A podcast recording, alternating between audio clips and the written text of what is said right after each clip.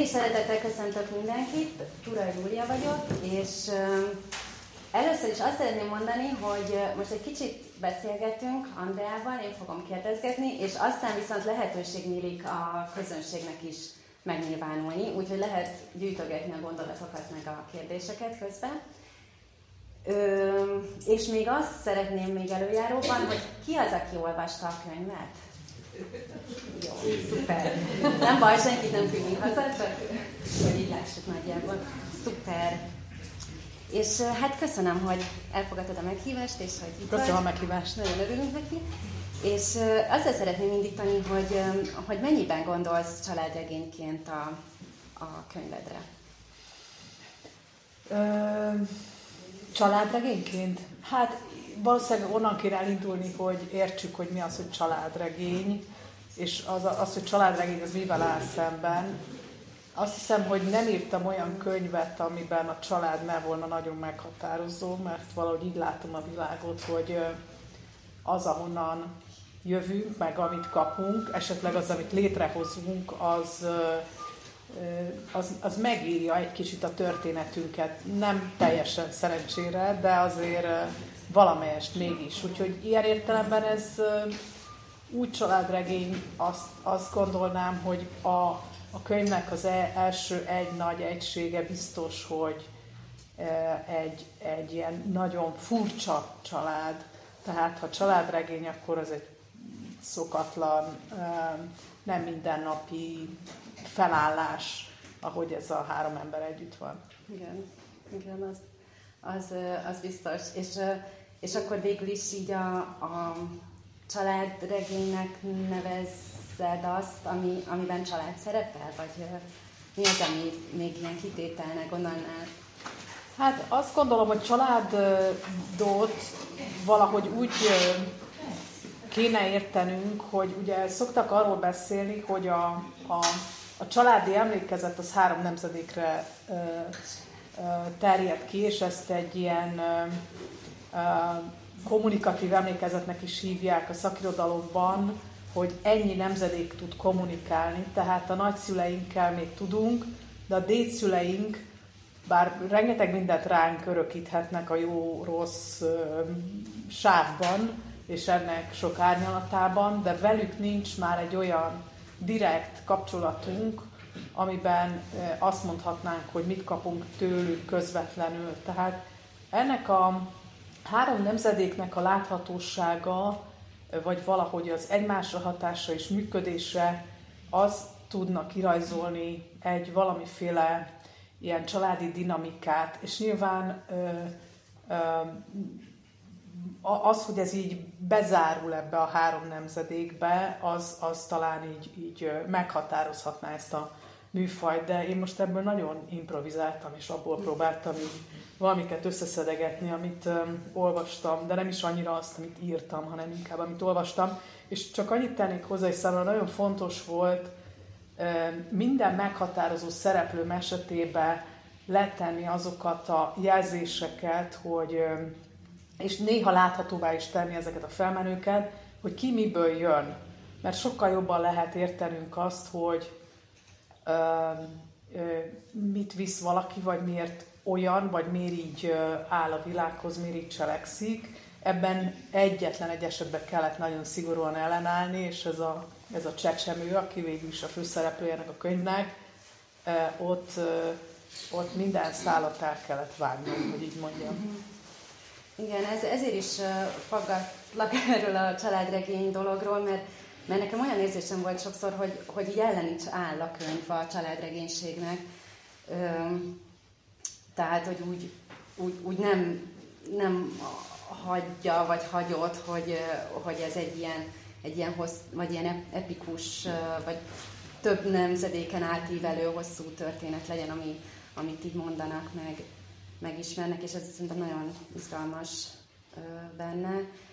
Az a 19. századi minta volna szerintem, amiben így bele tudunk feledkezni. Most épp nemrég Zolát olvastam, és ugye így kiló, bocsánat, jó író, de hát kilóra írja. Ez, vele ez történt, aztán a lányával az történt, ebből is 400 oldal, abból is 500, tehát de ez nagyon, ez, ez nagyon modern és innovatív volt az ő korában, csak ma ez, a, ez az irodalom szerintem pont azt abba, attól tud valamennyire érdekesedni, meg minket megszólítani, hogy azt mutatja fel, hogy a családjaink sajnálatos módon nem ilyenek. Tehát, hogy óriási nagy szakadások vannak, a történetek elvágódnak, a családi hagyományok is elvágódnak, és mindaz, ami elénk kerül, az nagyon szabálytalan, mert hát ez az emberi tapasztalás, hogy nem úgy áll fel a dolog, ahogy az alaptörvényben az el van képzelve a valóságban. A valóságban másfajta emberek vagyunk, és más családokban élünk,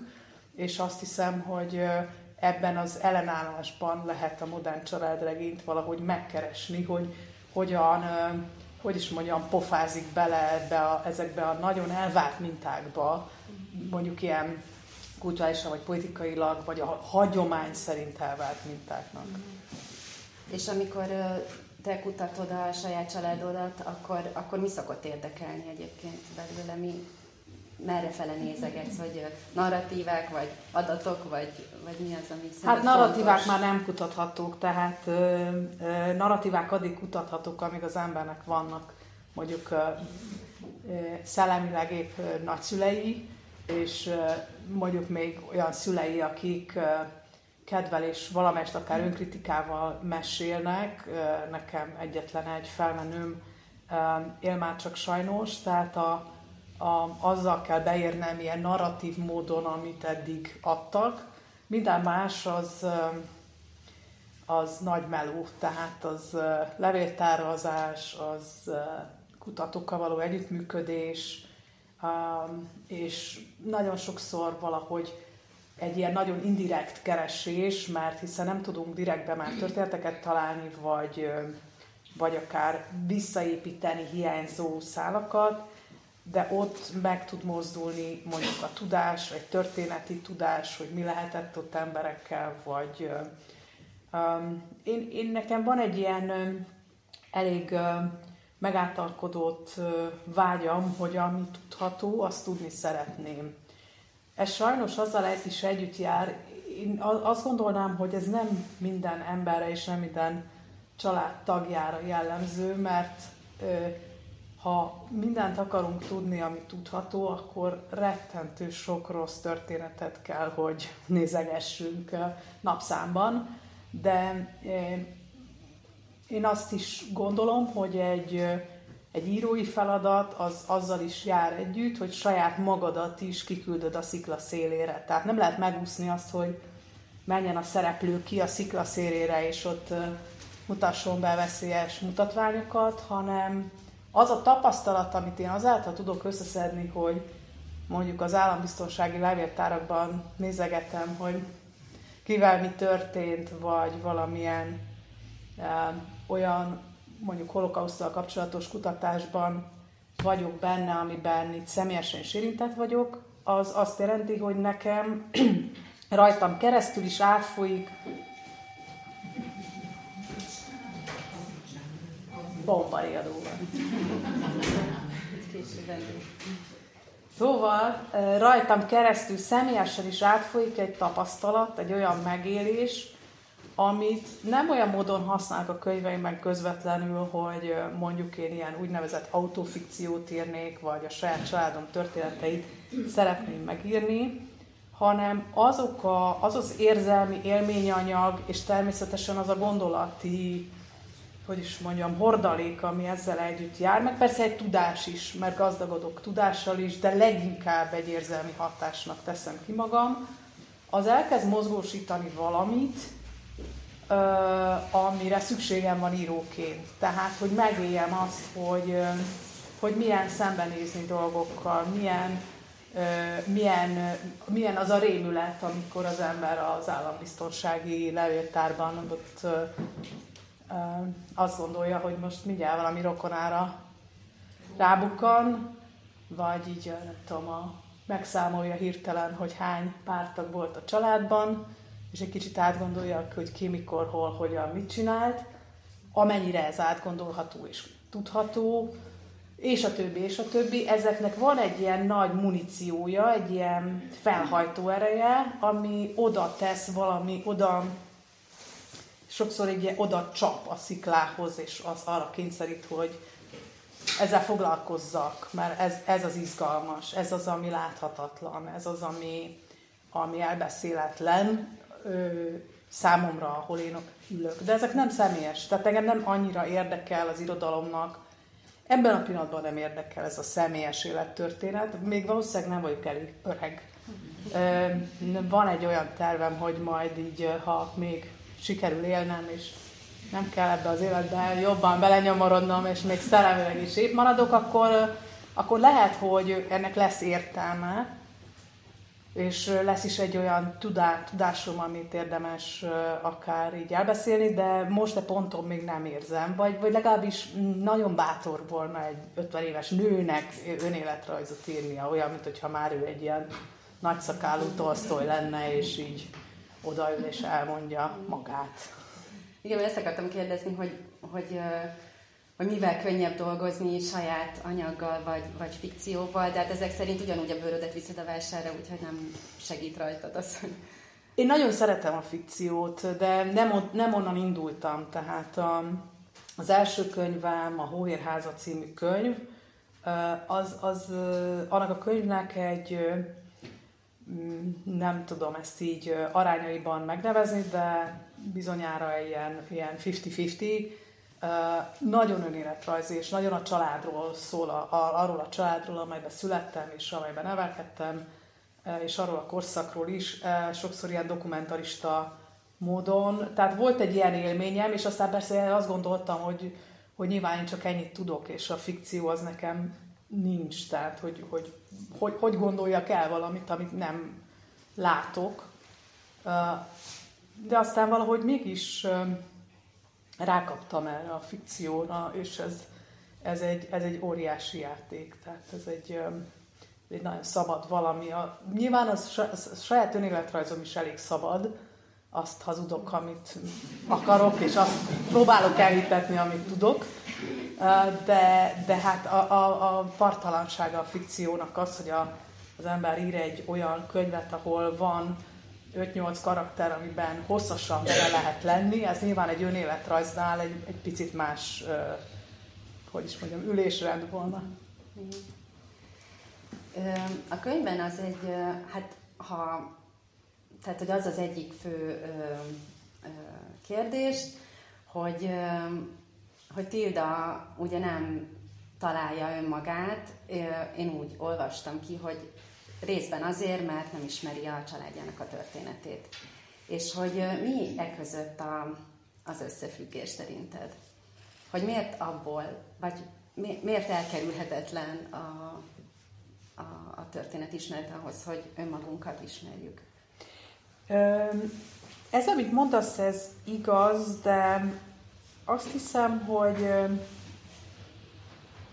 hogy fontos hozzátenni, hogy akkor is, ha valakit nem ver meg a sors egy ilyen történettel, mint amivel az én főhősömnek el kell indulnia, és végig kell járni az életútját, az, egy, az, az mindig egy nagyon bonyolult kérdés, hogy kik vagyunk, és nem nagyon hiszem azt, hogy hogy, hogy kamaszkorunkban olyan könnyedén tudunk ezekre a kérdésekre válaszolni. Nyilván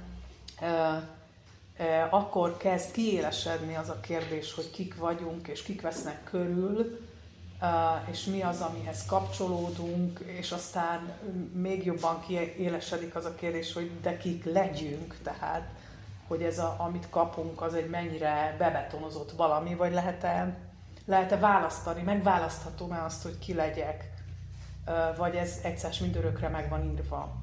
Tehát egyrészt azt gondolom, lekerekítve, hogy ezt, egy, ez minden ember életben, amit valahogy így igaz alapon él valaki, és természetesen az a kérdés, hogy, hogy megadatik-e azt, hogy igaz alapon éljen valaki, vagy ezt, vagy ezt nem lehet, hanem mondjuk valaki bele van kényszerítve olyan szerepekbe, amelyek nem az ő szerepei. Tehát olyan helyzetekbe, amelyek nem engedik meg, hogy feltegyem a kérdést, hogy ki vagyok.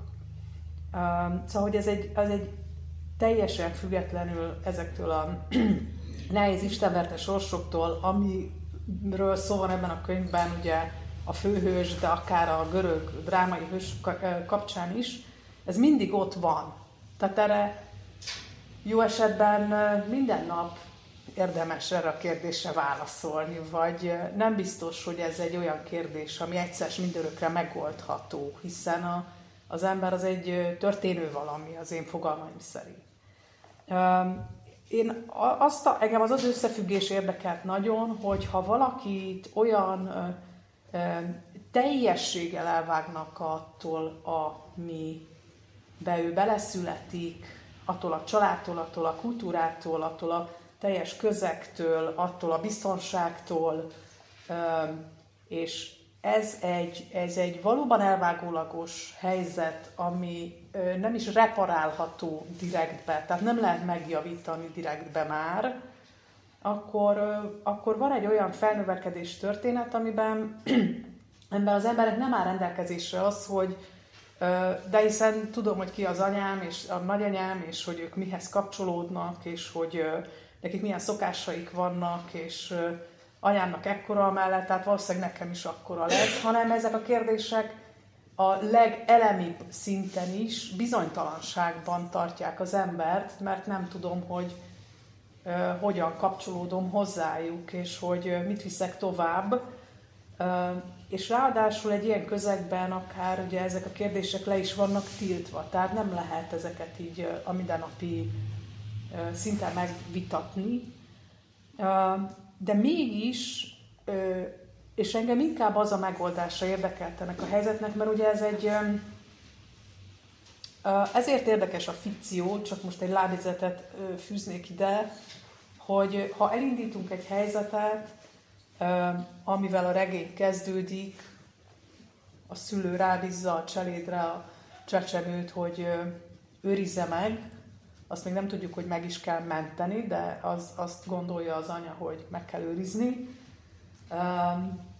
Hogy ebből nagyon sok fele nyílhat még ki történet. Tehát azok írói döntések, hogy azzal az emberrel mi lesz, vagy mit akarunk azzal a történettel elbeszélni. És engem az foglalkoztatott, hogy, hogy mi az a, hogy így mondjam, az a minimum, ami majd ezt az embert segíteni fog, a, fogja abban, hogy valahogy mégis meg tudjon állni a világban, ne roppanjon meg, ö, valahogy meg, megmaradjon a, ha tetszik, valamilyen igazságkeresés benne, valamilyen vágy arra, hogy megismerje magát, és hát megtalálja hozzá azt az eszközt, ami által meg tudja ismerni. És ezt a minimumot én úgy tudtam meghatározni, hogy hogy ez a, ez a kisbaba végül is egy, egy, egy nagyon bonyolult helyzetben, de mégis egy szeretett közegbe érkezik meg, amiben egy minimális biztonság lesz, és szert tesz egy minimális biztonságra, és az a biztonsága, hogy őt valaki mégis szereti ebben a világban, és akarja őt, és, és drukkol neki, és ez egy olyan erő, ami, ami aztán ö, nehezen, de meg tud valakit tartani. Nyilván itt nagyon sok olyan választási lehetőség is lett volna, amikor a, a, ez, ennek a gyereknek a kezét mégiscsak elengedi a világ, vagy a, ez a szörnyű egzisztencia, és ő kisodródik, és ez a, ez a ez a, az, az, hogy képes legyen megállni, az mégse tud megtörténni, mert, mert nincs valahogy, nem, nem szövődik meg egy háló. Engem az érdekelt, hogy az embert, mindig ez érdekel, hogy az embert mi az, ami megtartja. Mert arra nagyon sok és kézenfekvő válaszunk van, hogy mi az, ami agyon csapja. Tehát az, arra, arra mindannyian nagyon sok választ tudunk adni, hogy mibe kell belehalni, akár minden nap is, vagy akár történelmileg is, de vajon mi a csuda az, amitől, ami, ami mégis valahogy így levegőt kínál akkor, amikor, akkor, amikor már nincs levegő. És, és, és szerinted az miért van, hogy, hogy Tildának viszont se tehát nem kutatja, kutatta se a, a vérszerinti családját, és, és ugyanakkor annyira nem is érdekelte így az Erzsiék vonala se, tehát hogy úgy, úgy nem, nem akart bele fészkelődni egyik, vagy, vagy nem akart, vagy nem tudott, ezt most igazából kérdezem is, egyik vonulatba se, hogy, hogy tulajdonképpen volt olyan, ahonnan szerezhetett információt, ott egy, egy több generációs, nagyon meleg, szerető örökbefogadó szülők, és akkor volt a másik, ahonnan a vér szerinti, ahonnan mondjuk kevés információ jöhetett, de, de hogy, mint hogyha azokat se nagyon akarta volna bolygatni. Itt kétfajta igazság versenyez egymással. Nyilván van egy nagyon erős olvasói vágy, és hogy hozzá tenném, hogy nem csak olvasói vágy van, de egy ilyen folyamatos írói kísértettség is, hogy, hogy tehát én, én ezeket a szirén hangokat éveken át hallgattam, hogy így Duru Zsolta nekem, a, a szirének nem Duru Zsolnak, hanem éneklik, hogy de azért egy kicsit, egy kicsit tudjunk meg arról, hogy kik voltak azok a szülők, de azért egy kicsit nyíljon fel a tilda érdeklődése, és, és legalább valamilyen morzsákat, vagy persze írjunk egy ilyen nagy, szép zsidó család voltunk, és milyen szépen éltünk. Most elnézést az ironikus hangért. Most ez egy, ez egy teljesen normális emberi vágy bennünk szerintem, hogy ott, ahol van egy ilyen fekete lyuk, ami így szívbe, és így szinte az ürességével azt kiáltja, hogy oda tegyünk valamit, azt tömjük be, ez, ez az, ezt az emberi vágyat értem, de a, én azt gondoltam, hogy a könyvnek a politikai igazsága az fontosabb, mint ezek a mi pszichológiai vágyaink, és az a, mert mire, mire szolgál valójában ez a vágy? Miért van az emberben egy ilyen vágy? Mert meg akarunk nyugodni. Szerintem. Tehát én azt, ezt a magyarázatot gondolnám, hogy szeretnénk megnyugodni, hogy ők, őróluk tudunk valamit, ők valakik voltak, volt nevük, volt egy életük, és akkor egy kicsit, egy nagyon parányit valamit ebből helyre lehet igazítani. De a, én azt gondolom, hogy a, a, a könyv igazsága az, az a, a kellemetlen igazság, hogy ott ezt a vágyat nem lehet és nem szabad kielégíteni, mert nem nyugodhatunk meg, mert nincsenek megnyugtató válaszok. Mert ami nincs, azt a hiányában kell megélni, és a hiányában kell egy ilyen politikai tapasztalatként megélni, egy ilyen szorongatottságként azzal maradni, hogy de, de ők, de ők hogy? Velük mi van? És az az érdekes, hogy biztos nagyon-nagyon sok ilyen könyv van. Egyet szeretnék említeni, a, talán azért, mert ezt, ezt ebben a körben nem biztos, hogy mindannyian ismeri. Salma, Salamon Juliskának a leveleit Váradon, Nagyváradon adták ki. Ő egy talán négy-öt gyerekes asszony, akinek az egyik gyereke Bukarestbe költözik és dolgozik. 30-as évek Kolozsvár, de Nagyvárad, bocsánat, Nagyváradon van a család, Bukarestbe költözik az az egyik ág, Jaffába a másik, az egyik gyerek, és a harmadik nem tudom hova. És Salamon Juliska írja a leveleket a gyerekeknek, és persze akinek tud, küldözgeti a csomagot, a kolbásszal, meg nem tudom mivel, nem, nem egy túl, tehát nem, nem tűnt egy nagyon vallásos családnak a levelek alapján, és a levelek azzal végződnek, hogy az egész gyönyörű oda-vissza írogatás azzal végződik 1944, talán május 7-e rémlik, de fölállítják Nagyváradon a gettót. és hát egy ilyen nagyon rövid és szomorú hangú levél, ahol ugye ott, ott kijelölt utcák voltak, nagyváradnak hatalmas zsidósága volt, és vége a könyvnek. Van egy utószó, amiből megtudhatjuk, hogy Salamon Juliskát az unokájával, és nem tudom melyik gyerekével, és a család hány tagjával hogyan deportálták és ölték meg. De egyszerűen az a tény, hogy ott vége van egy életnek, egy ilyen szinte képeslap néhány sorral, abból megérthetjük azt, ezzel a folytó,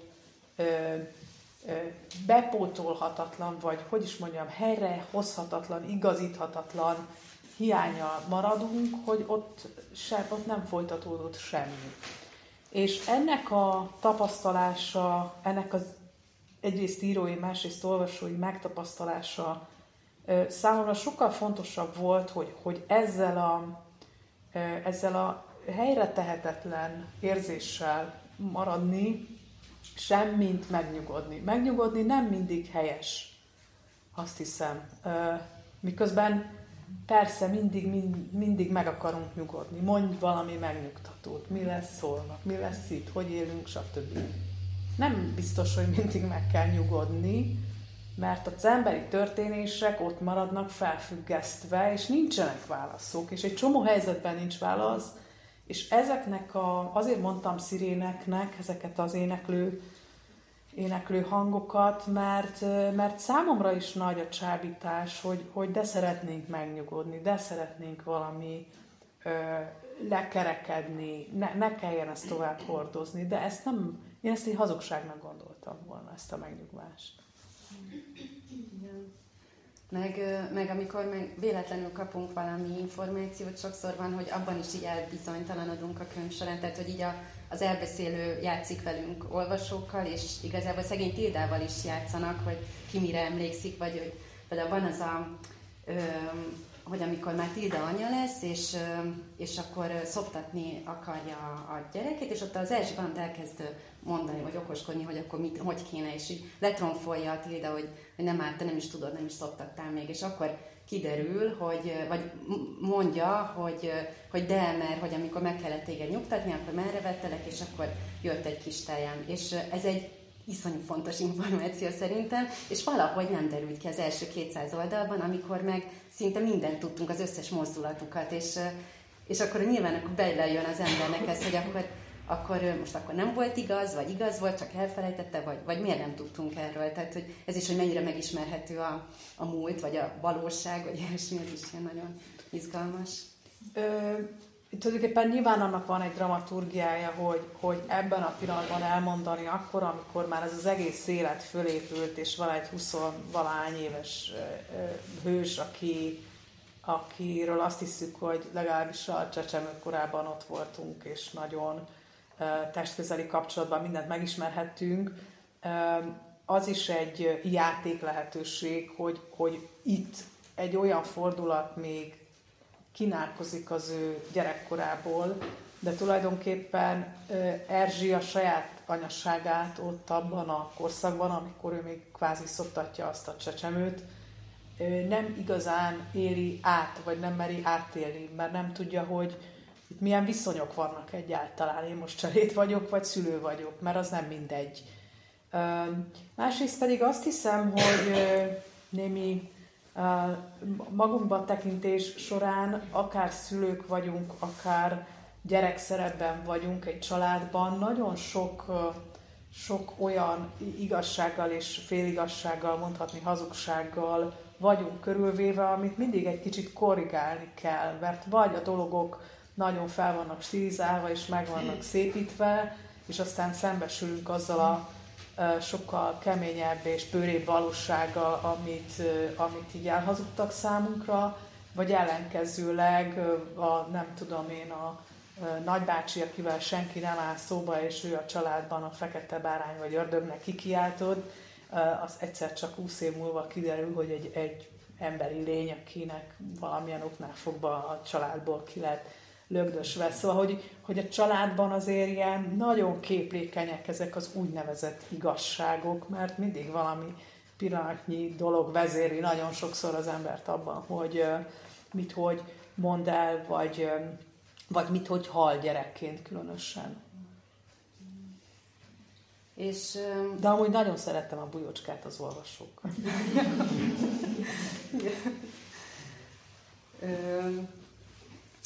hogy, hogy akkor még egy kicsit így a hiányra visszatérve, amit említettél, hogy, hogy hát, hogy végül is ugye ez nagyon fontos itt a zsidóság ebben a történetben, és hogy végül is mit, milyen, milyen szer, vagy tehát Erzsinek meg Ferinek mondjuk milyen viszonya van a, a zsidósághoz, mit, mit gondolsz erről?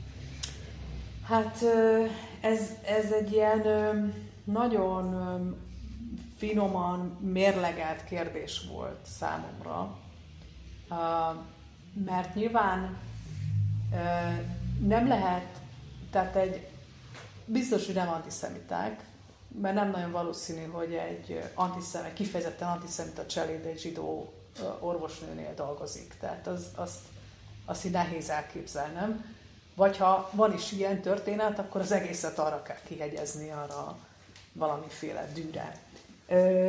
Feri egy kicsit egyszerűbb eset, mert neki van valamiféle beoltottsága egy ilyen baloldali szoci, szociáldemokrata gondolkodással, és igazából ő sokkal, és ő lévén Kolozsvári intenzívebb is a kapcsolata, vagy abban nőtt bele, hogy a városban mindenki kapcsolódik a, a, a zsidósághoz, hiszen a városban nagyon jelentős a zsidóság.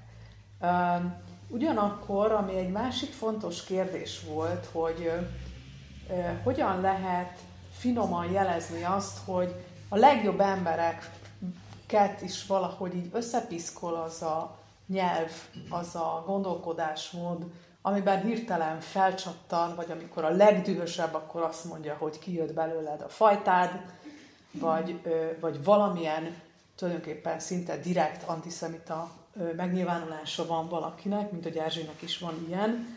Ugye most nem akarok ezzel poénkodni, de hát a székelyek legendásan antiszemiták, és ez a mai napig így van, de ez összefonódik nagyon sokfajta más idegengyűlölettel, tehát az érdemes egybe látni, hogy, hogy így mondjam, tehát a román gyűlölettel, a cigány gyűlölettel, a homofóbiával, és a most nagyon jelenlévő idegen gyűlölettel is.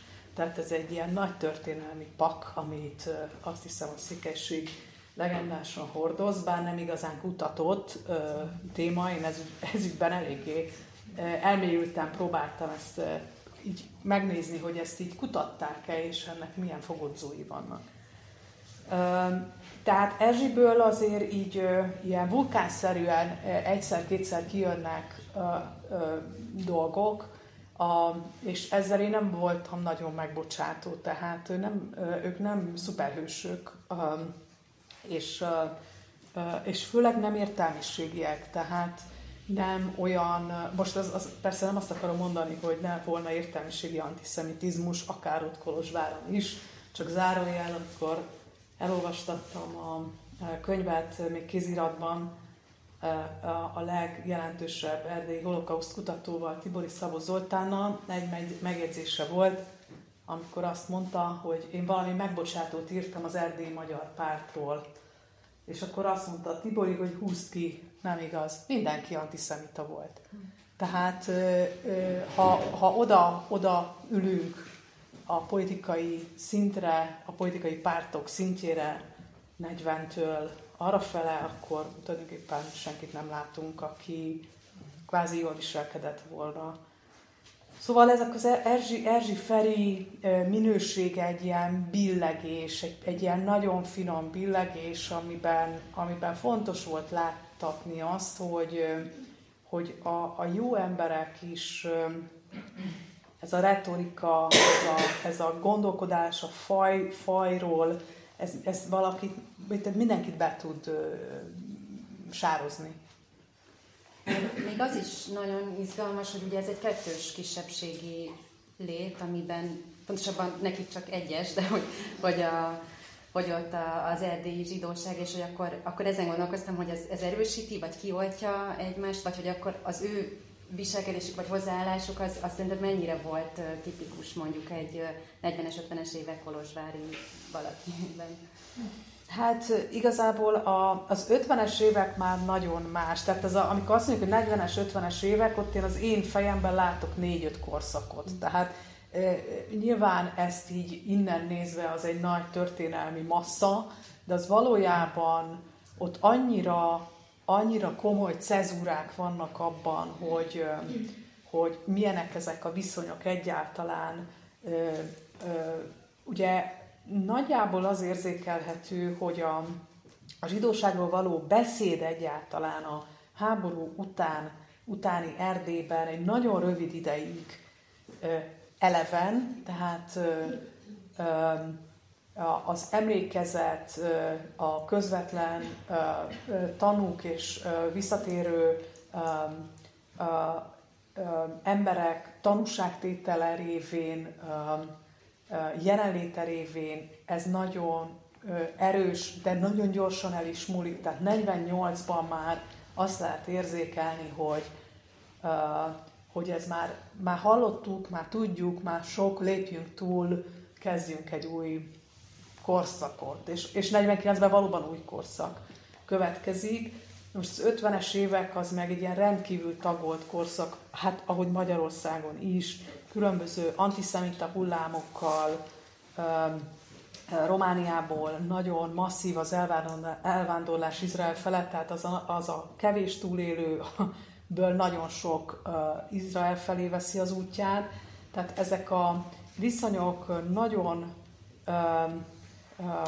hogy úgy mondjam, lát, tehát ez láthatatlanná válik. Ugye történetileg az, azt kell még itt elmondanom, hogy visszatérünk ahhoz az állapothoz, amelyben a, az erdélyi zsidóság elsősorban magyar identitású ismét, ugyanúgy, ahogy Trianon után is magyar identitású volt. Tehát persze kettős kisebbség, de elsősorban a magyarságával és a magyar kultúrájával azonosul. Ugye az erdélyi zsidóság nagyrészt magyar kultúrájú, egy, egy kis szegmens leszámítva ott tulajdonképpen Észak északon, Máramarosban, és a romániai, úgymond óromániai vagy királysági zsidóság az teljesen más, és ezek a közösségek annyira kapcsolat nélküliek, nyelv, közös nyelv nélküliek, azt kell mondanunk, hogy nincs feltétlenül közös nyelv, vagy a közös nyelv, ha van, az a román nyelv lesz.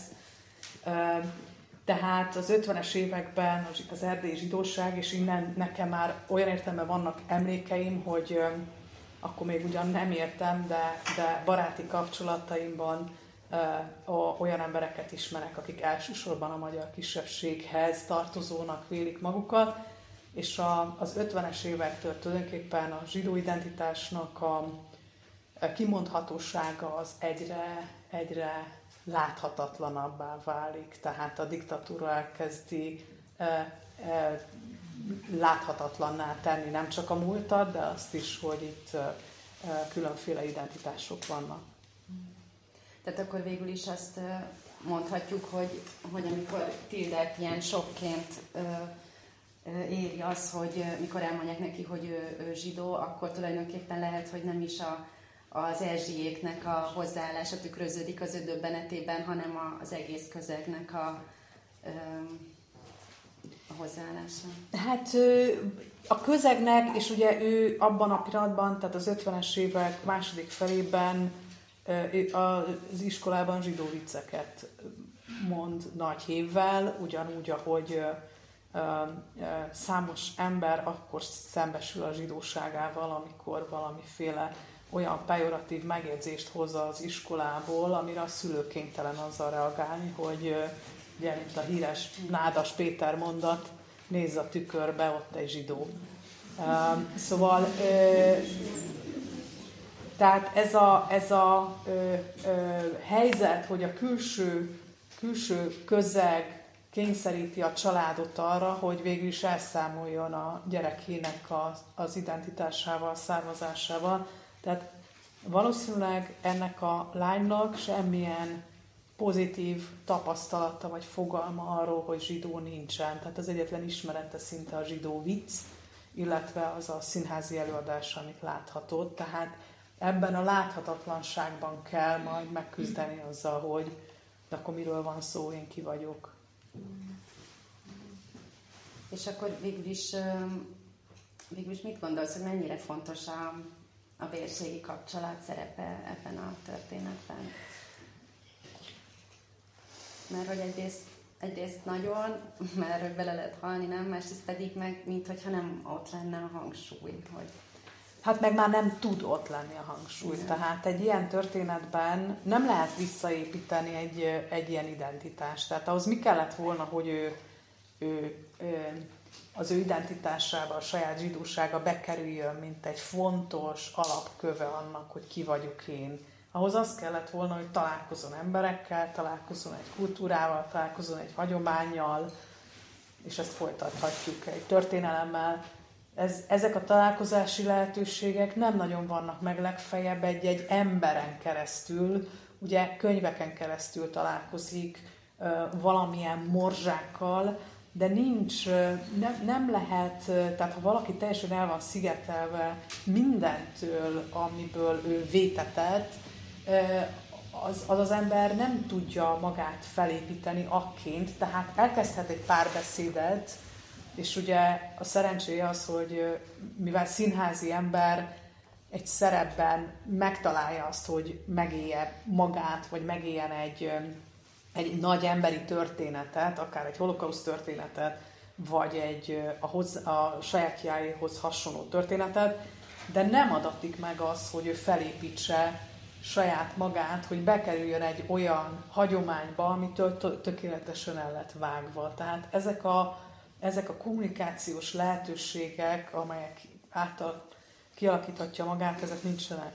Az az érdekes, hogy, hogy szóval az, azért nehéz erre válaszolni, mert azt hiszem mindig csak az egyes ember konkrét történetén keresztül lehet vizsgálni azt, hogy végül is hogy is, hogy is vagyunk ezzel, hiszen pont a 20. század ezeket az úgynevezett vérségi kapcsolatokat olyan szinten um, használta föl az ember ellen, uh, hogy erről, erről uh, nehéz is gondolkodnunk. Ugyanakkor mégis az embernek van egy furcsa, azt hiszem lojalitásnak hívja ezt a szakirodalom. Tehát, hogy az, amivel összekapcsolódunk származásilag, ahhoz valamilyen fajta ilyen lojalitás kapcsolatunk is lehet. Még akkor is, hogyha ez, ez hoz aztán valami nagy küzdelmet, vagy egy olyan elutasítást, hogy én aztán minden akarok lenni, csak nem zsidó, vagy cigány, vagy bármi más volna a származásom.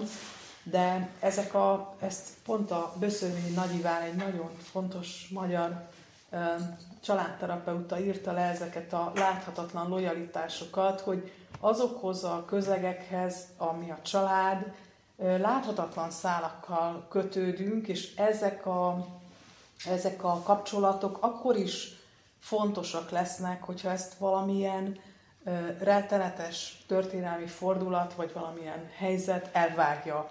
Tehát nem véletlen, hogy nem tud tovább menni Tilda, vagy nem, nem lehet egy várándítással tovább menni, hogy mit érdekel engem, hát én a ti vagyok, majd élem úgy az életem, ahogy eddig. Senki nem tudna egy ilyen mondat után tovább menni, csak a hazudik. Hazudni persze lehet, de az egy olyan önmegtagadásnak volna a forrása, amiből megint csak nem lehet igazi emberi kérdéseket föltenni. Tehát az, hogy valaki ö, kövé válva áll egy ilyen mondat hallatán, az, hogy így mondjam, a minimum, és a minimum ma annak, hogy onnan elkezdődjön egy igazi párbeszéd saját magammal.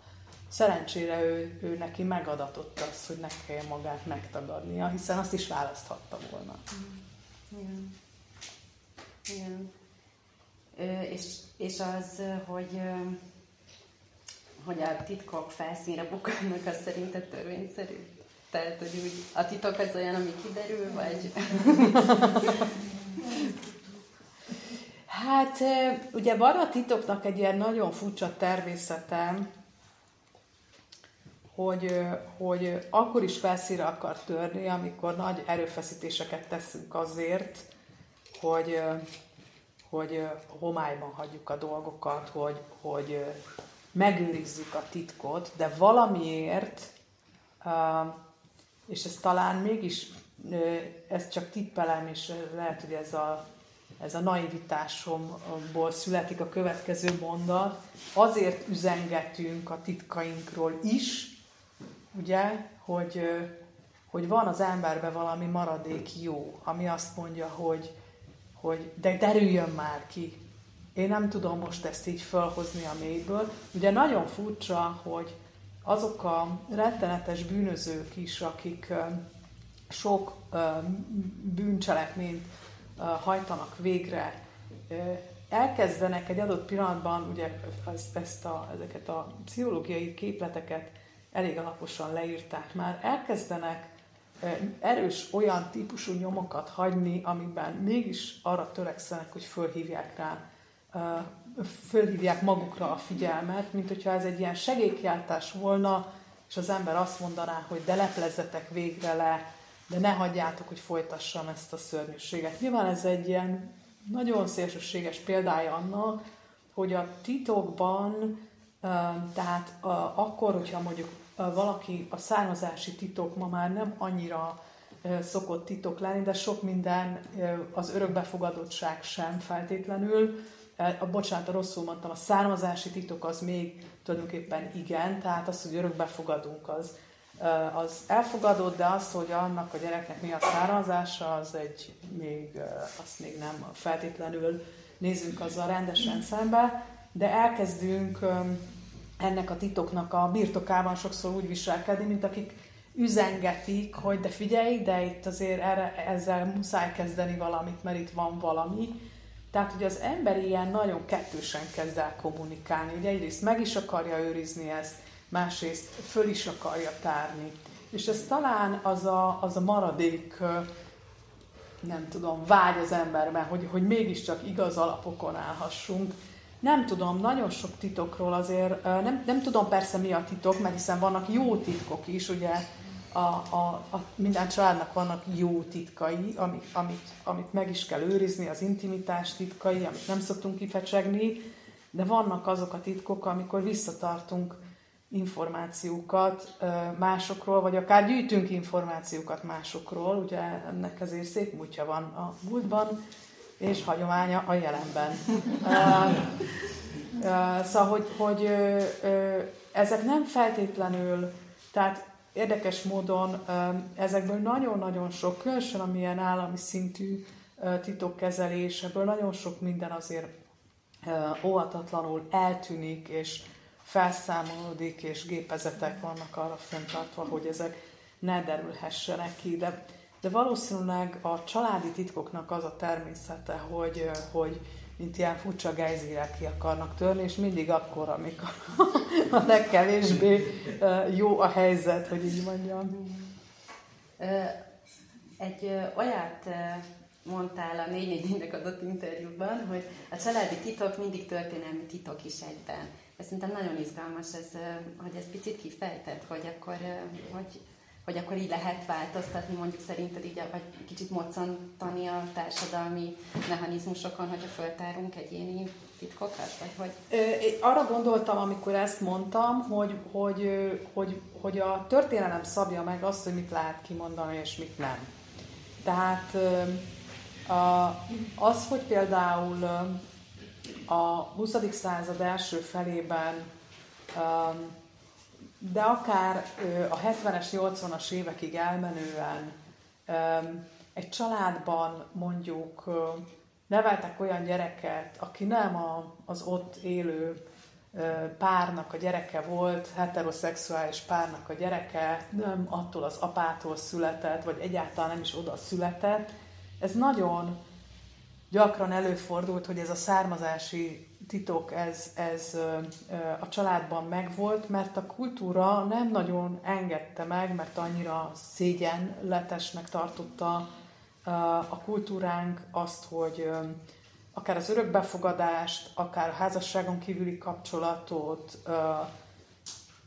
ugye ékes példája ennek a kiváló Gerlóci Márton könyve, ha valaki olvassa, és ugye ott is egy olyan születésű fiatalemberről van szó, akinek a születése körül még a 80-as években vagyunk, tehát még mindig tabu az, hogy az anyukának volt a nem az a házasság, aztán persze más kapcsolata és a többi.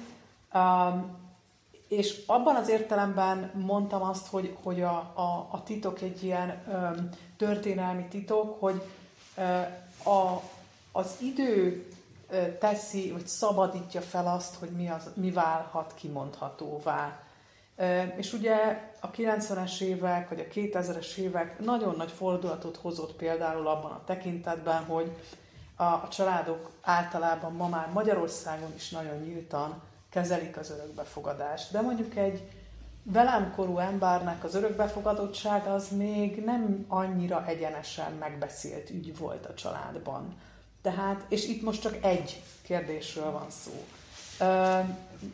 A, a bármilyen családon belül elkövetett, vagy meglévő függőségek, azt hiszem az is a, egy nagyon erős kulturális tabú még mindig Magyarországon, hogy valaki, tehát van egy alkoholista családtag, annak mindenki így fedez, hogy így mondjam, azt, azt valamelyes titokban tartják, hogy van egy bántalmazó családtag. Tehát, hogy ez, ezekben nyilván vannak elmozdulások, de van még egy csomó olyan ö, ö, ö, tabu, szégyen kötődik ezekhez, ami kimondhatatlanná teszi a családon belül is ezt a, ezeket a titkokat. Tehát, hogy egy olyan nyelvet keres ilyenkor a család, amikor nem azt mondja, hogy, hogy apuka, nem tudom, um, azt mondják, hogy apa fáradt, apa gyakran fáradt, ugye? Nem, nem tud részt venni a vacsorán, vagy nem tud a hétvégében programot csinálni, mert apa nagyon fáradt. És akkor van egy ilyen nyelv, amelybe belenő a, mindenki. És aztán nyilván ez, ez, ez, ez is változhat, de, de ezek a kulturális történelmi titkok teszik lehetővé azt, hogy így fennmaradjanak ezek a, ezek a tabuk, és ne törhessenek meg, ne, ne legyen abban egy ilyen változás, vagy ilyen egyenes beszéd, hogy ki lehet mondani azt, hogy milyen, mi történik. És akkor végül is szerinted hova hova jut el Tilda a regény végére? Te hogy, én olvastam mindenféle értelmezést ebben, de te, te hogy értelmezed ezt a Hát ö, én ezt a kérdést meg fogom úszni, úgyhogy... tehát én azt, azt szeretném, hogy, hogy elvigyem őt abba a...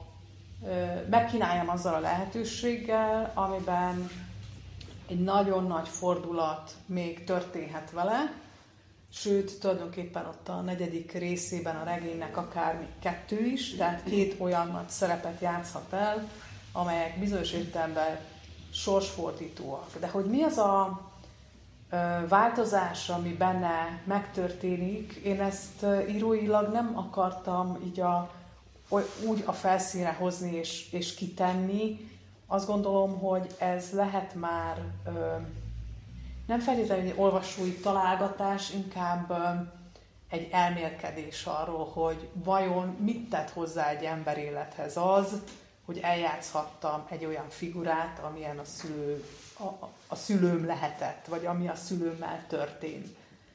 És végül ugye ez a, ez a Rózsa Ágnes naplójából készült monodrámája, illetve a, az Oidipus szerep, ami ö, ami egyrészt egy ilyen hatalmas önismereti útja a görög tragédiának, valakinek valóban a születéséhez kell visszamennie ahhoz, hogy megértse azt, hogy miért az történik vele, ami, ráadásul ez hagyományosan egy férfi szerep, tehát, hogy, hogy mi történhetett vele, hogy ő ezt a szerepet megkaphatja, és el is képes játszani, azt ahhoz én ilyen olvasói fantáziákat szerettem volna mozgósítani. És az is, azért is úszom meg, mert nincs válaszom. Tehát én valójában nem úgy írok, hogy kijelölöm azt a végpontot, ahol azt mondhatom, és Tilda révbe jutott, és az önismerete most már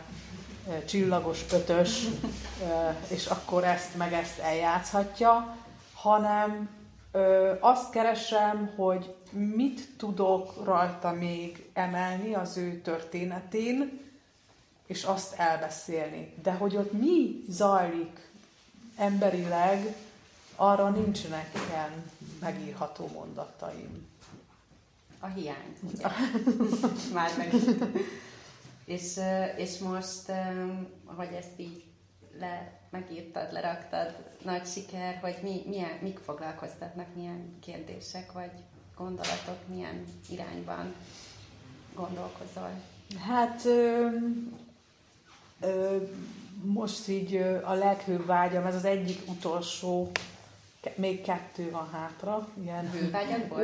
Nem, még ilyen nyilvános fellépésekből, sőt azt hiszem három, most, most hogy összeszámolom már, három is van.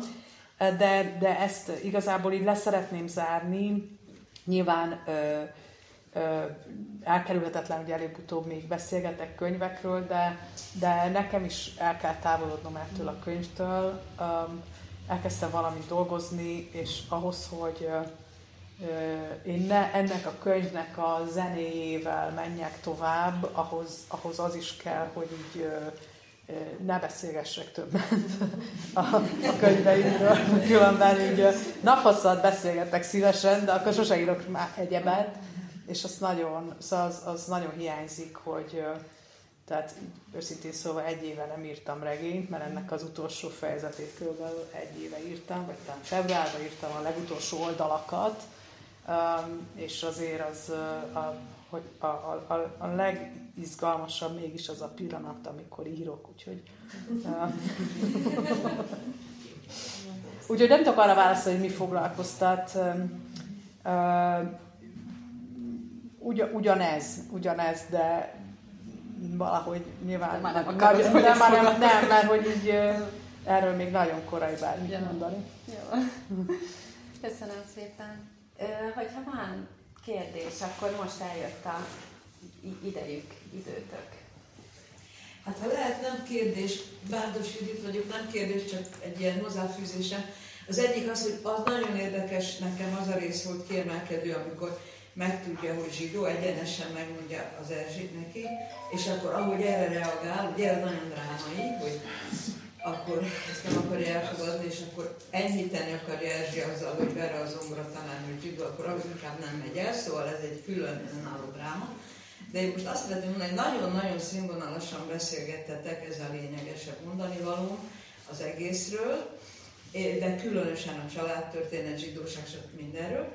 De én meg azt a végig, a második felét hangsúlyoznám, hogy azért a színház, tehát hogy azt mondtad az elején, hogy a dokumentum, meg a személyesség, hogy függ össze, erről beszéltél hosszan, és én egy picit, kicsit ismerve téged, meg az életművedet, ugye személyesebbnek látom azt, hogy végül is a színház is nagyon hangsúlyos benne, tehát nem csak a származás, a gyerekkor, a fiatalkor, a kamaszkor, hanem a színészi pálya, meg hát tulajdonképpen nagyon sok szerepben látjuk, ugye hosszú éveken át, tehát végül is egy egyedülálló nő, egy gyermekét egyedül nevelő nő, nem, nem csak színésznő, tehát még számtalan dolga, amiről most persze nem beszéltünk, de hát aki olvasta a regényt, abban ez mind benne van. De ugye tudjuk, hogy téged a színház érdekel nagyon, tehát az, hogy a színház, a színházban a színész pályán, a színészek között, a Titivel kapcsolatban mi mindent kap, az, az is nagyon érdekesen van kifejtve, és az is nagyon lényeges ebben a könyvben, ne, nem csak a származással, meg a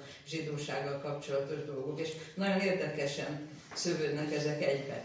De hát olyan végszót adtál, hogy olyan nagyon sokat nem lehet hozzászólni, csak azt, amit az ember elepe akar. Köszönöm. Köszönöm. Igen, kérdezték most nem erről a regényről, hanem bármelyikről, hogy hogy írsz, hogy amikor kitalálod, hogy miről szeretnél írni, már úgy nagyjából tudod a közepét, a végét, vagy, vagy, vagy mert van olyan festő, most minden festő, aki előre már megvan a fejében a kompozíció, van, akinek menet közben, hogy a festék esik. Hogy, hogy te hogy írsz?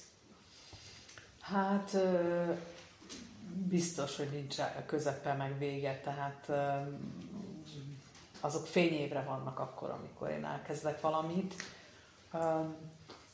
A, valahogy úgy, igazából minden regény ebből a szempontból más, és az én bölcs szerkesztőm, amikor azt hiszem éppen a, a, az Omertát írtam, és egyszer így ott ilyen um, panasznapot tartottunk, mondtam, hogy már egyszer elfejtettem, azt hogy hogy kell írni, fogalmam nincs, hogy így, hogy mi az, hogy regény, és akkor mondott egy nagyon fontos mondatot, ezt a regényt most tanulod írni. És ez, ez azért igaz ez a mondat, mert ö, ö, én elég különböző struktúrájú könyveket írtam, és hát gyárileg is nézőpont meg mindenféle szempontból különböznek, és valahogy arra kell rájönni menet közben, hogy az az anyag, amivel dolgozom, az hogyan írható meg, hogyan működik, hogyan, mi annak a nyelve, mi annak a struktúrája. Az a jó írásmód, amilyen nagyon képlékeny marad nagyon sokáig. Tehát nagyon könnyű elmozdítani a, az magát az anyagot, tehát nincsenek nagyon kőbevésett dolgok benne, és ezért sokszor például akár az Omertánál is a hazáról nem beszélve, így össze-vissza vagdaltam a szöveget, és így tulajdonképpen, mint a kártyával is. A, tehát, hogy a struktúra akár az utolsó pillanatban is alakulhat ki, vagy az utolsó pillanatban fixálódik valami nagyon-nagyon lényeges dolog. Tehát addig nagyon képlékeny marad egy anyag. Ami, ö, ö, ami viszont megvan, mert valahonnan csak el kell indulni, és az, az, az kérdés, hogy, hogy ott, ott mi van. Vannak ilyen nagyon erős érzetek, amik, amik lefordulnak képekre, vagy, vagy ilyen drámai szituációkra.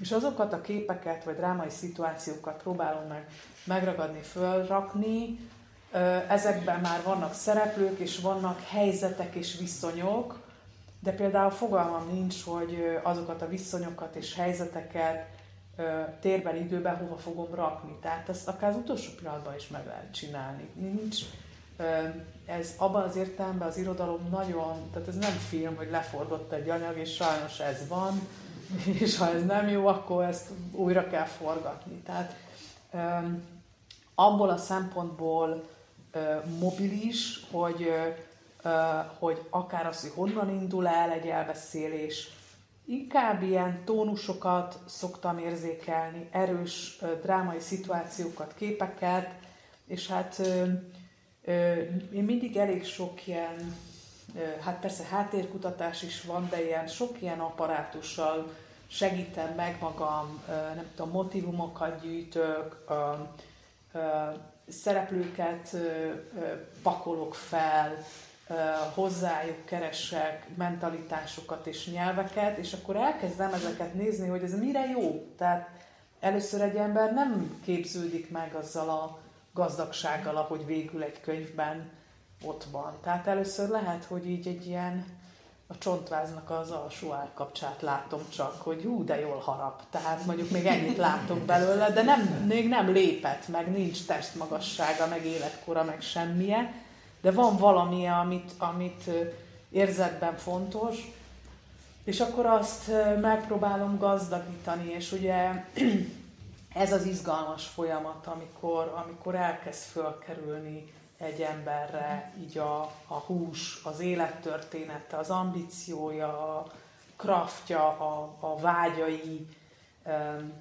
a szavai, és, és valahogy a, e, ezt a, ezt a kere, én ebben a keresésben szeretek a legjobban, amikor így egész nap az foglalkoztat, hogy hú, ez a gazember, hogy fogja ezt most itt megcsinálni, és alig várom azt a pillanatot, sőt, sok, sokszor így befékezem, hogy majd inkább jövő héten írom meg, mert addigra olyan jól munkálkodik bennem valamilyen dühös jelenet, hogy akkor úgy odaülni, az jó lesz. Szóval például a, ebben a regényben azt a jelenetet, amikor, ha valaki olvasta, amikor az egy számomra egy nagyon fontos jelenet, amikor Titi elmegy Dézsen az erdőbe, és ott ugye ott nem nagyon lehet tudni, az egészet nem nagyon lehet tudni, de azt a, azt a jelenetet, azt, azt tulajdonképpen akár hónapokig is hordoztam, hogy, hogy nem, megfékeztem azt, hogy meg tudnám írni, holnap meg tudnám írni, de, de jobb azt így hordozni és érlelni, és hogy, hogy annak milyen érzetei kell, hogy ott majd a szövegben megjelenjenek, tehát azokat az erős érzeteket, amiket a, a vágy, a dű, ez a, ez a szembesülés, ez a kétségbeesés, szóval ezek nem születnek meg olyan könnyedén, és akkor ezeket így jó, jó leső hordozni. Aztán persze jönnek a szomorú dolgok, amikor az ember visszaolvassa, és akkor hónapokon át depressziós, de mindegy, ez hozzá tartozik a munkához.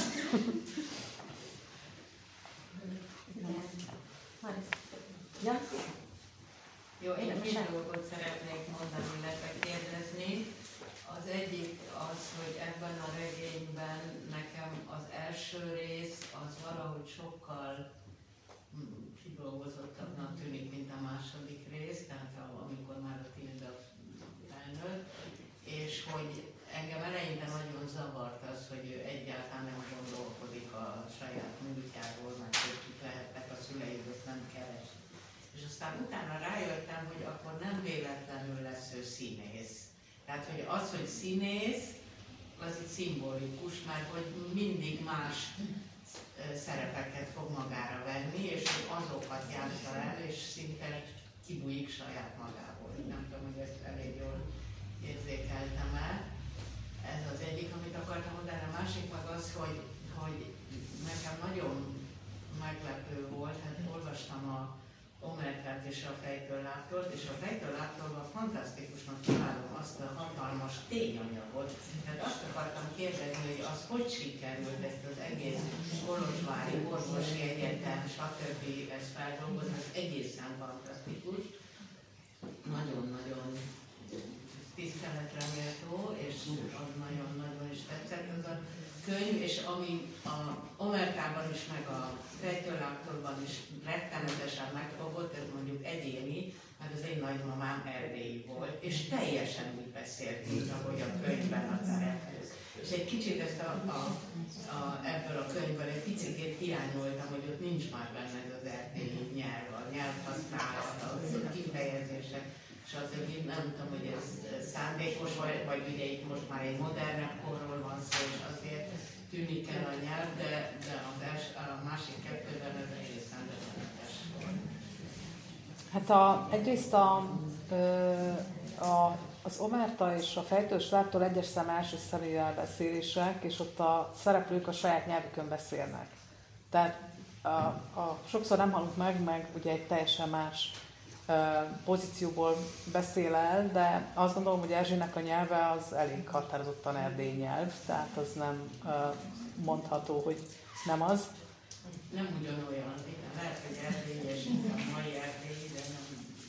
Hát elsősorban ilyen székely származású, ugye Erzsi, tehát az ő nyelve abban az értelemben más. Nem érdekelt a nyelv, tehát ennek a történetnek nem a nyelv áll a középpontjában, és egy kicsit a nyelvnek van egy csapdája is abból a szempontból, hogy képes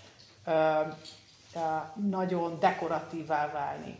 Egy olyan történet, ami mondjuk, mint ez 1944 április végén indul Kolozsváron, az egyik legnagyobb veszély az, hogyha ha az ember be nem menekül ilyen díszekbe. Tehát, hogyha elkezdi ezt a világot így felhúzni esztétikailag, és ilyen elkezdi díszíteni, az egy, az egy óriási csapda lett volna. Tehát ezt a világot csak ilyen, hogy is mondjam, ilyen, ilyen nagyon kicsontozott nyelven lehetett elbeszélni. Minden másnak ellenáll, hiszen minden más annak a megúszása, hogy valahogy meg, megnevezni azt, ami éppen ott történik. Egyébként Tildának a színésznősége nem feltétlenül egy, inkább úgy fogalmaznék, hogy, hogy azért tud a szerepekben jól létezni, ugye ez egy nagyon, ez egy rejtély, hogy miért képesek akár kisgyerekek is megállni a színpadon, és bírni azt, hogy mások nézik őket, és ők ott uh, uh, tudnak beszélni, mert ugye itt van egy ilyen, egy ilyen, kvázi egy ilyen nem tudom, hogy én ki vagyok, és az, azt viszont, azt, amikor van egy keret, amit, amit szeretnek hívnak, ugye faltól falig egy, egy keretben vannak. Tehát egy tudom, hogy ki vagyok, tudom, hogy hol kezdődik, hogy hol van vége, mik a feltételei annak a szerepnek, az egy nagyon pontos valami ahhoz a masszához képest, amiből nem nagyon tudja kihámozni, hogy ő kicsoda. Tehát a, a szerep az egy abszolút biztonság ahhoz képest, hogy mennyire bizonytalan az, hogy ő ki. Tehát ilyen értelemben a, a, a szerepek valóban ilyen hálót jelentenek, és ilyen életmentő funkciót. Középen volt, vagy itt. Ki? Ja, ott, bocsánat, itt és ott hátul is. Igen. Köszönöm. Örülök, hogy a háttérkutatásokról ilyen... Ja, igen, azt nem válaszoltam a kérdésre, a háttérkutatásra, de majd mindjárt visszatérek. Lehet, hogy a kettő kérdésre találkozik valahol. Szóval, hogy elég bőségesen volt szó, mert valóban valamennyi műben érezhető, hogy, hogy, hogy itt nem csak a szereplőket, meg a sztorit képzelte el a szerző, hanem, hanem ahogy utalt rá levéltárban kutatott, meg hasonló, és ebből az olvasó nagyon-nagyon sokat profitál. Ugye el tudjuk képzelni a 20. század első évtizedében a Kolosvári egyetemi életet, meg a, meg a hogy bonyolódott le egy szülés, hogy szállított a szülőnőt a milyen volt egy mentő, vagy egy másik műve a rózsa termesztés csinyán vinyán. Itt pedig, amire én rácsodálkoztam, és amire, eh, amivel soha nem találkoztam még eddig, és a kérdésem, hogy hogy, hogy választódott ki a bába per, tehát a gettóban működő bábák szerepe, eh, viselkedése, attitűdje,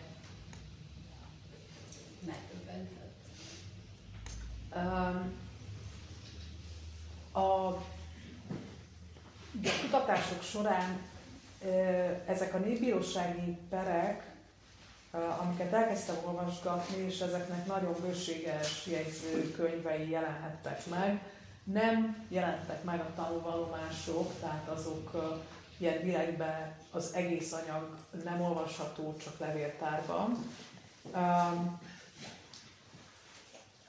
az, az kezdett el foglalkoztatni, hogy hogyan lehetne kicsit láttatni valamit az elkövetőkből. Tehát, hogy ne csak az áldozati szintet láttassa egy könyv, hanem láthatóvá váljon az is, hogy mi az a közeg, ahol ezeket a bűnöket legalábbis részlegesen ez a közeg, ahol elkövetik, és Ugye az elkövetőkről nekünk a leginkább az a képünk bármilyen bűnelkövetésről, hogy azokat mindig férfiakhoz kapcsoljuk. És ennek ez, ez nem alaptalan, nyilván. A, tudjuk, hogy a nagyon nagy része a bűnelkövetésnek férfiakhoz kapcsolódik, de az fontos volt számomra, hogy látni azt, hogy, hogy a társadalomnak a, a mindenfajta rétege részt vesz abba, hogy egy ilyen gépezet működtetve legyen, és a nők is. Tehát én a nőket, a, mint elkövetőket nagyon sokfajta olvasmányból próbáltam meglesni, megérteni, megfejteni, és azt a történeti folyamatot is, ahogy gondolkodtak ezekről a nőkről, ugye először leginkább ilyen ezek a, ezek a nagy női szörnyetegek merültek fel közvetlenül a háború után, és háborús bűnösként végezték ki őket, ez az Irma Gréza például, de ugye azzal, hogy, hogy ilyen szörnyetegé nagyítódnak fel az elkövetők, azzal az ember azt is mondja ebben a korszakban, ugye közvetlenül a háború után, hogy, hogy ők, őket így leválasztjuk magunkról. Mindig, amikor az, az szörnyeteg, az nyilván az nem az átlagember, tehát mi, mi nyilván nem ilyenek vagyunk, meg mi nem csináltuk volna, stb. stb. És ezzel ugye ki vannak tolva a társadalomból ezek a figurák, de ezzel meg is óvja a társadalom magát attól, hogy, hogy azt mondja, hogy de hát itt ezt ezek a rendes magyar emberek csinálják embertársaikkal. És ezek a, ezek a bábák, akik leginkább ugye bábák voltak, akik a gettóban motoztak, az ő peranyagukat olvasgatva először így tulajdonképpen csak őszintén szóval elcsodálkoztam azon, hogy ezekben hogy vesznek részt nők, és hogyan bánnak nők nőtársaikkal. Uh, és aztán tulajdonképpen megláttam ebben azt a lehetőséget, hogy, hogy a, a, az elkövetőkről való nézőpontot egy kicsit ki lehet billenteni azzal, hogy akkor most nem férfiakat fogunk nézni bántalmazóként, hanem nőket, mert hiszen ilyen értelemben a, a gonosznak nincs neme, hanem az egy cselekedet, az nem egy nemi kérdés, hanem az egy, az egy, ez egy tett. És nem volt olyan nagyon könnyű ezt kutatni, tehát és szóval elég rettenetes anyagokat kell ilyenkor olvasgatni, és tulajdonképpen ott, ott valahogy így a, a, a dokumentum és a történeti anyag, illetve valamiféle írói fantáziának a közös játékában nagy segítségemre volt az, hogy, hogy láthattam például az egyik elkövető nőről a fényképet, az mindig nagyon ilyen, akkor úgy, hogy lesz egy ilyen arca ennek a figurának, és az véletlen, hogy ilyesmire lehet találni a Washingtoni Holocaust Múzeumban. Szóval ott inkább ezek a politikai megfontolások voltak, hogy nyilván sokkal masszívabbak a férfi bűncselekmények, hogy így van, úgy mondjam, és az elítéltek száma is magasabb, de, de egy, egy nézőpont kimozításban az, az így izgalmas volt számomra, hogy nőket látni. Mert, mert különben nélkülük, tehát a bába, bába nők, ugye, az is egy ilyen izgalmas szó, amire rátaláltam, vagyis megalkottam, mert így nem hívták őket, hogy, hogy ennek a regénynek a nő alakjai különben nagyon túl, túl tiszták maradnak így, így ebből a szempontból, és, és a nőket mindig, vagy mindenféle szereplőt jó így több felől nézegetni. A, a, a visszatérve a kérdésre, a kutatási kérdésre, hát ez, ez tulajdonképpen egyszerű és bonyolult is, hogy amikor valami nagyon érdekel, akkor így, így nagyon könnyen tudok uh, na, nagyon nagy mennyiségű anyagot kutatni, és így magamba szívni. Um, és hát ezekben a, ez, ebben a regényben ez az orvoslás történet, egyetem történet, fürdő történet, ez ilyen iszonyú izgalmasnak és ilyen nagyon feltöretlen földnek tűnt, úgyhogy ilyen bőségesen elárasztottam a regényt ezzel a tudással. Tulajdonképpen a, a, a, az utóbbi könyveimben így elkezdtem eltávolodni ettől a nagyon nagy történeti anyagnak a, a nagyon közvetlen használatától. Tehát ez is egy, egy módszer volt, vagy egy kísérlet, amiben így ö, szereztem tapasztalatot, de nem biztos, hogy erre akarok tovább menni. Valaki még ott hátul, hát Katja? Igazából én is a kutatásokkal kapcsolatban akartam kérdezni, hogy már részben megválaszolta, de hogy, hogy mit, miket, hogyan kutatott, illetve ez az írói folyamat, hogy honnan tudja, hogy, hogy mi az a pont, ahol már nem a történelmi tények kellenek, hanem mondjuk a, az írói fantázia. Tehát mondjuk, mondjuk akkor ez a bába bába nő, hogy ezt mi motiválta, vagy ez a folyamat.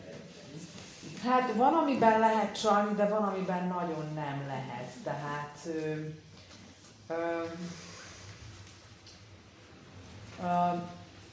hogy, hogy azzal kezdve, hogy miket kutattam, az volt az érdekes, hogy végig az írás során, amikor, tehát már lehet, hogy rég a színházi fejezeteknél tartottam, és 1970-ben vagy 80-ban, vagy éppen egy, nem tudom, Antigonét elemeztek ott hevesen a regényben, és így az ember, tehát ez évek alatt íródik egy ilyen könyv, és így, így néha elveszti az ember azt a, azt a gyújtópontot, hogy de hogy ezt miért is írom ezt a könyvet, mit, mit hol, hol, miért kell ezt az egészet csinálni, vagy mi volt ennek a fő feladata, hogy így mondjam, ezt így a színház tudományban használják ezt a kifejezést, és olyankor mindig visszamentem a KH-hoz, és végig tulajdonképpen ezek alatt, az évek alatt, amíg írtam ezt a könyvet, meg készültem rá, végig uh, uh, olvastam holokauszt memoárt. Tehát uh, olyan irodalmat visszaemlék, nem annyira szép irodalmat, abból is valamennyit, de nem nyilván összeset szállósan, de hogy ilyen meghatározókat igen, de azok nagyon ki is tudják az embert téríteni a pályájáról, meg hirtelen azt gondolod, hogy ja, akkor nem ezt kell írnom, amit eddig írtam, hanem valami egész más. De amikor ezek a, ezeket a memoárokat olvastam, és elsősorban így Románia területéről olvastam, tehát nyilván a magyar nyelvűeket, de aztán olvastam román nyelvűt és angol nyelvűt, a, ami szintén Románia területéről születik, de persze Magyarországig is rengeteget, ezek valahogy mindig visszahelyeztek ahhoz a gyújtóponthoz, hogy de én azért akartam ezt a könyvet megvinni, mert, és akkor tudtam erre egy fél mondatban válaszolni magamnak, hogy, hogy miért. Valamennyire kutattam ezt az elkövetői minden, az, az viszont elég bőségesen, és ott azok sokkal megterhelőbb kutatások voltak mindig, mert az áldozatokat ott, ott valahogy mindig van egy ilyen empatikus viszony, tehát ott az áldozatokkal lehet egy szeretett kapcsolatban lenni, de az ember Eichmann visszaemlékezéseit olvassa, akkor itt ott, ott az empátián nem tud nagyon bemozdulni, és, és ezek nagyon, nagyon megterhelőek voltak, főleg amiatt a, amiatt a reflektálatlanság miatt, ahogy, a, ahogy a, az elkövetők, hogy leegyszerűsítsem, nem tudják, hogy mit beszélnek. Tehát, hogy így nincsenek tudatában a szavaiknak, meg a tetteik súlyának. És, és nyilván nagyon nagy hatással volt rám az elkövetői részben is, de nem csak abban, a Láncmánnak a filmje, ugye ott titkos kamerákkal vették fel az elkövetőket, ez a Shoah című 8 órás dokumentumfilm, és annak az elbeszélés módja is nagy hatással volt rám. Ez az egész észak-erdélyi holokausztot megpróbáltam így, amennyire tudtam megérteni, befogadni, átlátni a folyamatait, de de nagyon fontos volt látnom azt, hogy mi történik a holokauszt emlékezettel gyakorlatilag napjainkig Románia területén, de hát ugye ezt így, így egyben nézem, hiszen ez Észak-Erdély, Magyarország és Románia, tehát ez, erről azt kell mondanom, hogy, hogy ez, ez, és ez egy fontos motivációja volt a könyv megírásának, hogy az észak holokauszt az, az a két szék közt a pad alatt. Tehát az Magyarországról Románia, Romániából meg ti csináltátok, ez a ti dolgotok. Mármint Magyarország fele mutogatás. Arról nem beszélve ugye, hogy, hogy ez a nagyon hosszú, sok évtizedes hallgatás, ami ezt Romániában talán még jobban övezi, Magyarországon, az, az egy ilyen nagyon láthatatlan beszédmódokat hozott létre, tehát hogy tulajdonképpen eltűnik az emlékezetből a holokauszt így a, a Románia területén, és ugye hozzájárul a román történetírás azon állításai Romániában viszont nem volt holokauszt, ami egy ilyen nagy ön, ön becsapás, vagy egy ilyen hamis, hamis tudat. És hát az, az izgalmas volt, hogy, hogy ez egy olyan, az emberiség olyan nagy történet, hogy ez bármely nyelven be tudjuk fogadni, vagy, vagy hozzáférhető, és nagyon sok irányból közelítettem, és sokszor vártam azt, hogy, hogy ilyen nagyon számomra ismeretlen vidékekről emberi történeteket hallani, amely, amely nagyon hasonló ahhoz, ami a, az én szülővárosomban történik. És ezt a, ebben a Visual History Archive-ban a, a Spielbergnek a, a, a gyűjteményében, ott ugye, ahol olyan 55 ezernyi interjú van, ott mindenféle nyelven, amit tudok, hallgattam tanúságtevőket, és a, a, azokban, a, azokban a szövegekben, vagy elbeszélésekben sokszor nagyon fontos volt nem is maga a történet, hanem az a mód, ahogyan valaki el tud beszélni valamit, vagy éppenséggel nem tud elbeszélni valamit, mert nagyon gyakran az emlékező képtelen bizonyos történeteket elmondani, például ezt a vaginális motozás történeteket a nők, ez, ez ugyanolyan szégyen 50 év múlva is elmondani, vagy ezt szóba hozni. Tehát ö, ö, itt ilyen, ilyen ö, hát nagy, nagyon hosszú időt töltöttem ennek a, ez, a, ez, ez általában párhuzamosan történik, egy ilyen fél évig szoktam kutatni, és utána leülök türelmetlenül írni, és addig, amíg be nem fejezem a könyvet, addig tulajdonképpen párhuzamosan folynak a kutatások. De hát ennek a könyvnek a színházi vetületei mozgósították azt is, hogy, hogy, hogy itt egy ilyen teljesen más irányban is nyíljon ki ez a könyv, a, és azt a lehetőséget, amit a művészet jelent abból a szempontból, hogy hogyan menti meg a lelket idézőjelbe, hogy azt, azt, azt hogyan lehet jól megírni, tartalmasan megírni. Úgyhogy ott viszont egy csomó minden más filozófiát, meg egyebeket szoktam volt olvasni. Köszönjük szépen a részvételt. A könyvklubnak a következő könyve az a Nádas Péter családregény vége lesz majd, március 7-én, odébb van még, mindenkinek lesz ideje elolvasni. És, és köszönjük, hogy eljöttél. Köszönöm szépen a meghívást.